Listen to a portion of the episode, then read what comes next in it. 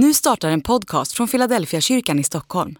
Om du vill komma i kontakt med oss, skriv gärna ett mejl till hejfiladelfiakyrkan.se. Hörni, jag vet inte hur, eh, hur du helst spenderar en ledig dag. Om du får liksom en dag att göra helt vad du vill, vad gör du då? Vissa säger så här, men då ska jag ut i naturen, då ska det vara kokkaffe, jag ska vara liksom så långt bort från civilisationen som möjligt. Jag ska bara bort, det är en ledig dag för mig.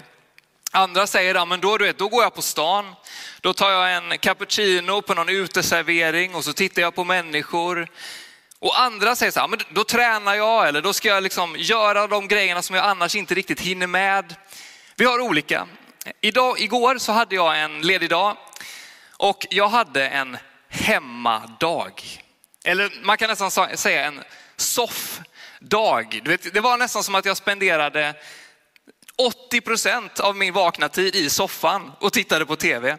Eh, och ibland så kan jag bara tycka att det är otroligt gött. Jag älskar att vara ute i naturen, jag älskar att gå på stan och dricka kaffe liksom på uteserveringar. Men ibland så bara, ja men det är så gött att bara få ta det lugnt och bara få titta på tv, dricka kaffe. Och då tittade jag igår, om ni, jag vet inte om du gjorde det, men då tittade jag på en match, Game for Börje. Var det någon här inne som tittade på den? Några stycken.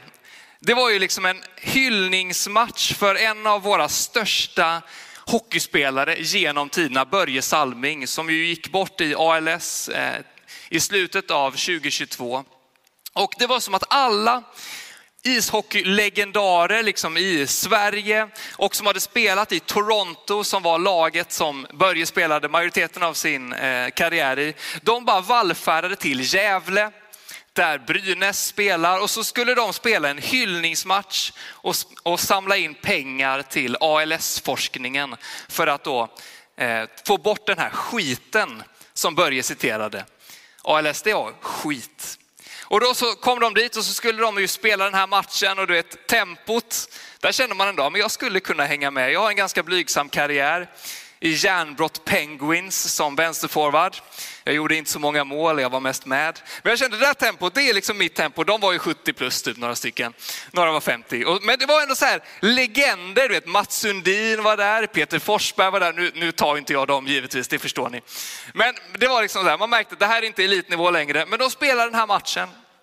Och under tiden så var det som att de försökte att sammanfatta en fantastisk hockeykarriär Alltså Börje Salming, så mycket han har betytt för så många. Så det var sammandrag, det var sammanfattningar, det var intervjuer med tidigare spelare, ledare, där alla hade sett upp till Börje. Och det var som att det var liksom en tydlig huvudperson, hela det här programmet, allting handlade om Börje Salming. Och nu nu ska jag göra min övergång till det jag ska tala om idag. Då. Alltså det är svårt ibland att sammanfatta en otroligt lång och framgångsrik karriär när allting handlar om en person. Så de gjorde flera stycken olika sammanfattningar. De försökte dra upp de här olika klippen, de här olika intervjuerna för att sätta fingret på det här var någonting otroligt värdefullt. Börje var en fantastisk spelare. När vi nu under några veckor ska läsa om apostlagärningarna. Den bok i Bibeln som berättar om hur kyrkan sprider sig ut över världen genom några kristna till att bli några fler, till att bli några fler med den heliga andes kraft. Då är det tydligt vem som är huvudperson i den boken. Det är Jesus själv genom den heliga anden. Och det som jag ska säga nu, det första kapitlet som jag ska utgå ifrån nu, det är som en sammanfattning av hela apostlagärningarna. Är ni med? Det är som att det är omöjligt nästan att sammanfatta hela Börje Salmings karriär till en liten kort klipp, liksom 30 sekunder. Jag ska nu försöka att sammanfatta apostlagärningarna i en predikan, säga på något sätt, det här är den viktigaste rörelsen för att du ska förstå lite för att vi sen under sju veckor här ska gå in i den här boken. Ska vi bara be en kort bön tillsammans. Gode Gud, Herre nu ber vi för de minuterna vi har framför oss. Låt oss få uppleva dig. Vi ber dig helige ande att du ska beröra oss, leda oss, utmana oss på olika sätt Herre. Och vi ber att vi ska få lära känna dig lite bättre under de här 25 minuterna som vi har framför oss. Vi ber så i Jesu namn. Amen. Det vi ser i det första kapitlet i Apostlagärningarna, det är som en rörelse som rör sig hela tiden utåt, hela tiden ett steg till bortåt. Det börjar med ett gäng lärjungar i Jerusalem och sen så sprids det hela tiden bortåt, utåt ett steg till. Och det är som en beskrivning av den rörelse som sker, men också om den rörelse som ska ske framåt. Vilket betyder att när vi kommer och läser Apostlagärningarna idag, då är det också en text om vad som kommer i framtiden. Vad vi som kyrka ska vara med och göra. Och då kan man undra, vem handlar egentligen den här boken om? Jo, men boken Apostlagärningarna, den är skriven av Lukas. Precis samma författare som skrev Lukas evangeliet. Och många tror att Lukas han var en lärd man. Man tror till och med att han var läkare, att han var en doktor. Och det syns på att han använder väldigt avancerad grekiska. Det är en stor skillnad till exempel på Markus evangeliet och Lukas evangeliet i vilken nivå på grekiska som man använder sig av. Så det betyder på att Lukas, han var nog ganska kunnig. Han var nog liksom lite akademiskt lagd sådär. Så han skriver först Lukas evangeliet och sen så går han vidare för att skriva apostlagärningarna. Så det är som en förlängning av det som sker i Lukas, det fortsätter också i apostlagärningarna. Apostlagärningarna handlar om Jesus, precis på samma sätt som Lukas handlar om Jesus. Bara det att det är den helige ande nu som för det vidare. Det som skedde i Lukas, det fortsätter i apostlagärningarna och det tar sig så mycket längre. Faktiskt hela anledningen till att de första kristna valde att gå ut och berätta om sin tro, det är hela anledningen till att du och jag sitter här idag. Så utan apostlagärningarna, ingen Philadelphia-kyrka. Därför är det en otroligt viktig bok. Så det är Lukas som skriver den. Vi har också samma mottagare i den. Det är Teofilus, en Guds vän. Teofilus han får både Lukas och han får apostlagärningarna. Och det är alltså samma författare, Lukas, det är samma mottagare, Teofilus, och det är samma ämne, Jesus Kristus. Allting handlar om Jesus Kristus, men nu är det den helige ande som driver berättelsen framåt. Och så här står det då i Apostlagärningarna kapitel 1 och vers 6 och framåt. De som hade samlats frågade honom, Herre, är tiden nu inne då du ska återupprätta Israel som kungarike? Han svarade, det är inte er sak att veta vilka tider och stunder Fadern i sin makt har fastställt. Men ni ska få kraft när den helige anden kommer över er. Och ni ska vittna om mig i Jerusalem och i hela Judeen och Samarien och ända till jordens yttersta gräns. När han hade sagt detta såg de hur han lyftes upp i höjden och ett moln tog honom ur deras åsyn. Medan de såg mot himlen dit han steg upp stod plötsligt två män i vita kläder bredvid dem. Galileer, sade de, varför står ni och ser mot himlen? Denne Jesus som har blivit upptagen från er till himlen ska komma tillbaka just som ni har sett honom fara upp till himlen. Vi befinner oss här nu på en middag. Jesus har samlat lärjungarna och de kommer fram och så frågar de, är det nu? Är det dags nu? Du vet, det fanns en förväntan hos det judiska folket att Jesus skulle vara den Messias som man hade väntat på, som skulle komma och återupprätta Israel. Och nu tänkte man, ja, men Jesus nu har du ändå dött och du har uppstått. Är det dags nu? Är det nu du ska göra liksom Israel till ett mäktigt land igen? Vi kommer få tillbaka alla våra rättigheter, all vår värdighet. Ska du göra det nu? Det fanns liksom den förväntan. Och då är det som att Jesus bara säger, nej, nej, nej, vänta lite. Det är inte det som är det viktigaste, utan jag har ett annat uppdrag till er. Du vet, man kan ägna så mycket tid åt att försöka förstå. Jag var, har inte växt upp, jag var inte med under den tiden, men jag har hört talas om predikanter som kom med långa lakan som de hade liksom räknat ut. Här kommer Jesus komma tillbaka och återupprätta allting. Det är som att Jesus säger, det där är Guds fråga. jag vill att ni ska göra någonting annat. Och så säger han så här, ni ska få kraft när den helige anden kommer över er och ni ska vittna om mig, ni ska berätta om mig i Jerusalem, i hela Judeen och Samarien och ända till jordens yttersta gräns. Det är som att Jesus säger, det är ert uppdrag. Och du som har varit med i kyrkan ett tag, du kanske ser kopplingen till, Eh, till Matteus evangeliet, slutet av Matteus, det som vi inom kyrkan har gett namnet missionsbefallningen. När Jesus samlar lärjungarna så säger han, åt mig har getts all makt på himlen och på jorden. Och gå därför ut och gör alla folk till lärjungar och döp dem och lär dem att hålla alla bud som jag har gett er. Halleluja. Och jag är med er alla dagar till tidens slut, säger Jesus. Och så tänker du så här, ja men det vi precis har läst nu, det hänger ju inte riktigt ihop. Hur håller det ihop med att precis efter att Jesus har sagt, ni ska få kraft när den heliga ande faller, kommer över er och ni ska vittna. Och sen så är det som att han tas upp till himlen. Vet, ibland talar man om att göra entré. Vissa vill ju göra en mäktig entré. Vet, det är som att det ska vara fyrverkerier och ljus och rök och det, så ska man göra en stor entré. Här har vi stor inspiration på hur man liksom lämnar med stil. Jesus säger ett otroligt citat och sen bara tas han upp på ett moln och förs bort i skyn och lärjungarna bara står och tittar mot honom. Du vet, hur håller detta ihop? Jesus säger gå ut och gör alla folk till lärjungar. Och sen så bara när han har sagt detta så lämnar, de, så lämnar han dem. Han är inte kvar längre. Jo, då är ju grejen att då har man inte kommit ihåg det som Jesus precis har sagt.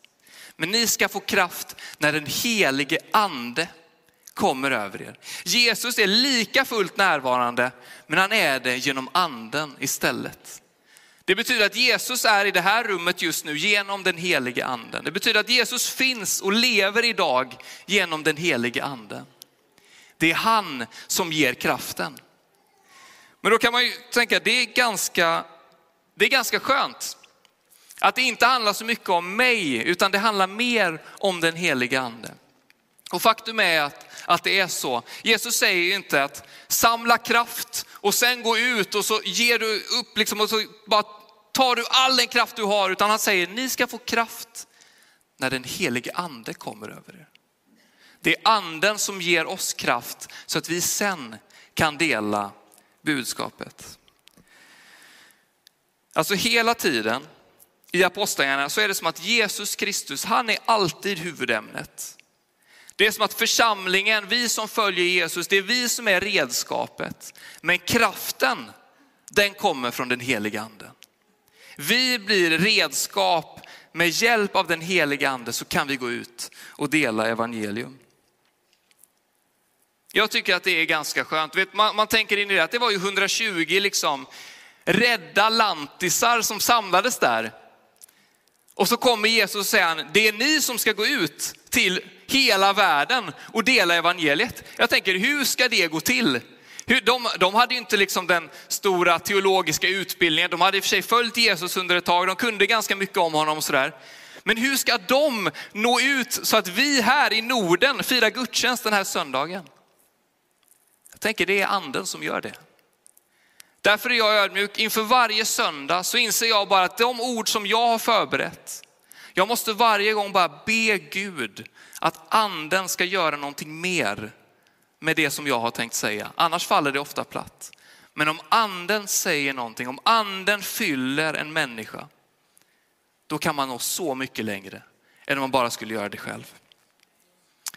Vart händer det då kan man ju ställa sig frågan. Jo, Jesus säger, ni ska vittna om mig i Jerusalem och i hela Judeen och Samarien och ända till jordens yttersta gräns.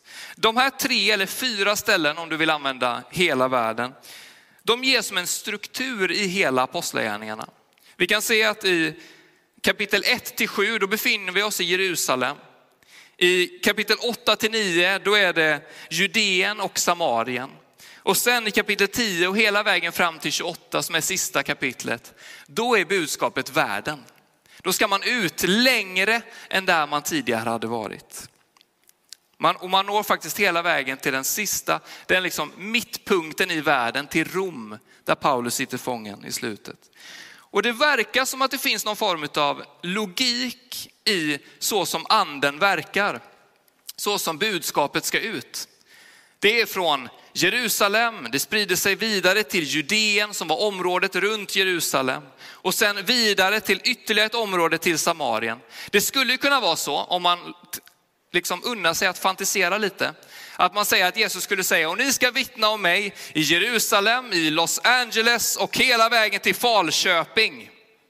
Man kan tänka så, om man vill vara liksom, använda sin fantasi. Men Jesus säger inte det. Och även om det finns kyrkor, även om det finns att evangeliet har predikat i LA och i Falköping, så är det som att det finns en logik. Börja där du är. Fortsätt till området runt omkring. Men stanna inte där, gå vidare ett steg till. Det är som att anden hela tiden säger, ta ett steg till. Försök nå en människa till. Det här är ju städer, platser. Jerusalem är en stad, Judeen är ett område, Samarien är också ett område. Men jag tänker att vi lika gärna skulle kunna förstå detta idag som människor. Eller som grupper. Vad är mitt Jerusalem? Ja, men det kanske är Philadelphia kyrkan. Eller om du följer med via webben, den gudstjänstfirande gemenskap där du oftast firar gudstjänst, din församling. Där du känner dig trygg, där du finns, där du har dina vänner runt omkring dig. Där det oftast är ganska enkelt att prata om tro. Ja, men det, så här, det här gör Gud i mitt liv just nu, det här upplever jag är svårt. De här tvivlen har jag, de här också bönesvaren har jag fått. Jerusalem, det är på något sätt vårat, våran comfort zone. Men så är det som att anden kallar oss ett steg till, ut till Judeen. Vad är då Judeen? Ja, men för vissa av oss så kanske det är vår familj. Eller våra vänner som kanske ännu inte delar tron. De, du vet den lite större cirkeln. Vad är då Samarien? Ja men Samarien, det var ett, ett blandfolk. Det var som att judarna och samarierna, de var inte vänner. Det var som, liksom, de gick inte ihop. Judarna såg ner på samarierna, samarierna fick inte, de hängde inte på samma restauranger, de var inte i samma områden, de höll sig borta från varandra. Jag tänker, tänk om anden kallar oss ut till även Samarien. Du vet de människorna som inte delar din tro. Det kanske är dina arbetskollegor. Det kanske är de som du möter liksom i en regelbunden basis. Tänk om anden kallar dig även till dem.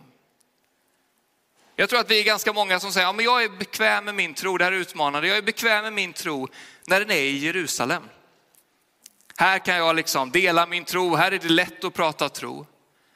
Men du vet, anden kallar hela tiden ett steg till. Jag tror att det är fler här som behöver tänka, jag vet mitt Jerusalem, men vilka människor är mitt Judeen? Vilka människor är faktiskt mitt Samarien? Vilka människor kan jag nå med evangeliet om Jesus? Du som tänkt så här, nu kommer jag in här och så blir det en skön predikan. Det här är ganska utmanande. För anden är hela tiden utmanande. Cirklarna utvecklas och sprids hela tiden. Varför är det så? Jo, för att evangeliet, det är egentligen inte till främst för oss. Jo, det är det ju på ett sätt, men evangeliet är alltid till för de människor som ännu inte har hört det. För de människor som ännu inte har förstått vad Jesus kan göra i en annan människas liv. Cirklarna, de sprids hela tiden, de växer hela tiden. Vi får alltid anden för andra människors skull. I första Korintierbrevet 12 så står det, hos alla framträder anden så att den blir till nytta. Alltså anden är inte något som bara är till för mig själv, för mitt eget, utan anden är till för att andra människor ska bli hjälpta. För att andra människor ska komma lite närmare Jesus. På samma sätt står det i Lukas kapitel 4 när Jesus kliver fram och läser ur profeten Jesajas bok och han säger så här, Herrens ande är över mig. Ty han har smort mig att frambära ett glädjebud till de fattiga. Han har sänt mig att förkunna befrielse för de fångna och syn för de blinda och att ge de förtryckta frihet och förkunna ett nådens år från Herren. Guds ande kommer över en människa för att blinda ska se, för att förtryckta ska få frihet, för att de människor som inte har förmåga att ta sig ur sin egen situation, för att de ska bli hjälpta. Anden är inte till för oss bara, den är till för andra människor. För nya människor som ska hitta in och som vi längtar efter att få se här i Philadelphia kyrkan. Anden är till för Judeen. Anden är till för Samarien. Du vet, Guds evangelium, det är för de som ännu inte har tagit emot det. Det är de vi ska nå.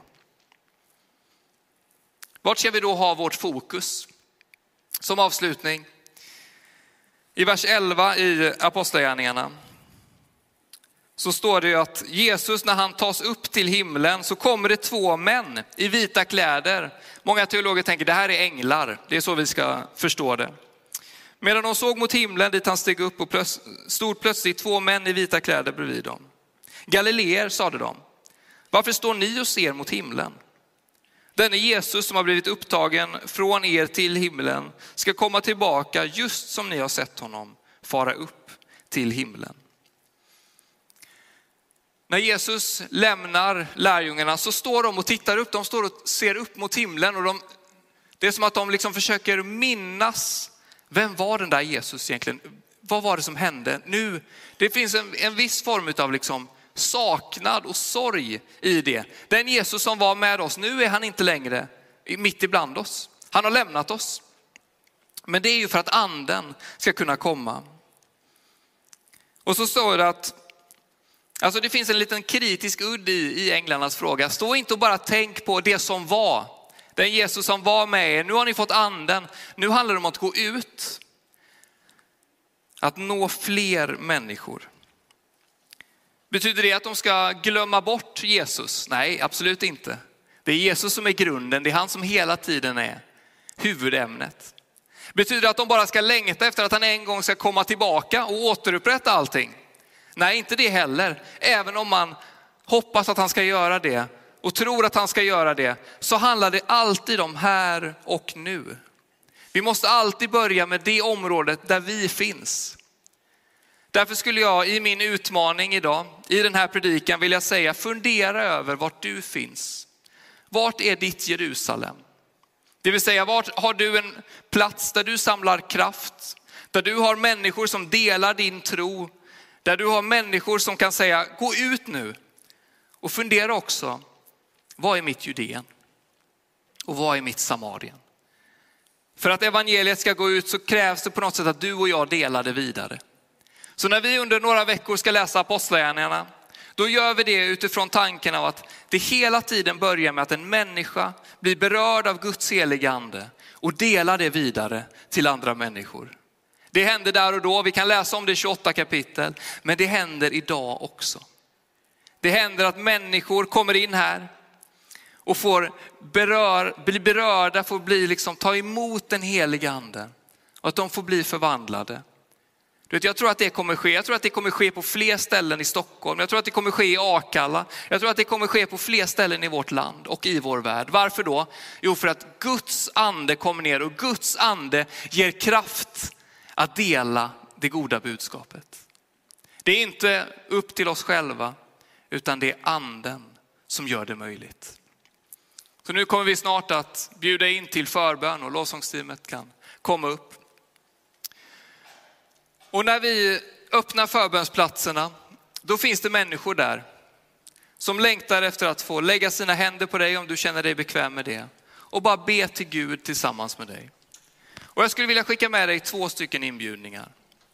Den första, det är till dig som, som aldrig har fått uppleva den heliga anden, men som skulle vilja göra det.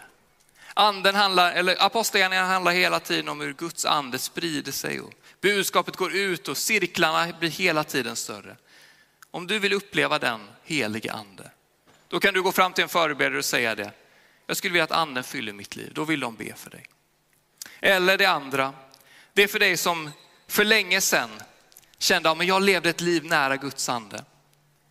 Men livet har hänt, omständigheter har skapat, som du upplever som en distans. Du vet, Gud är aldrig långt borta från någon enda av oss.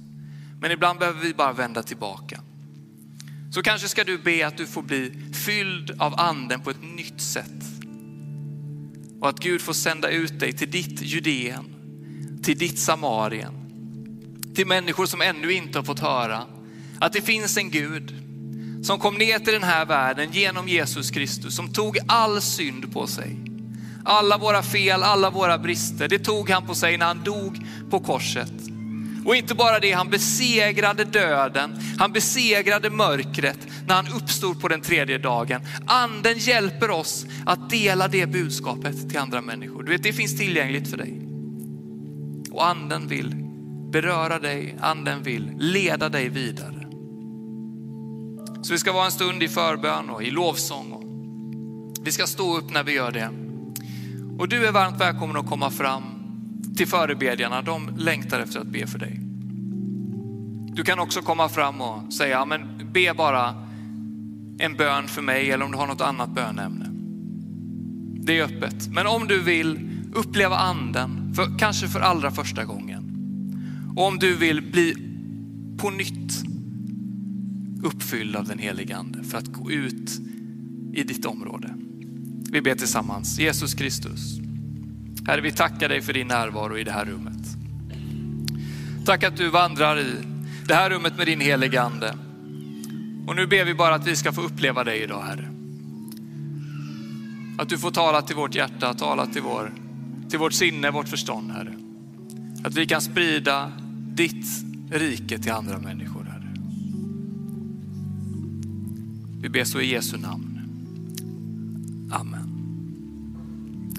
Men när vi står upp och vi lovsjunger.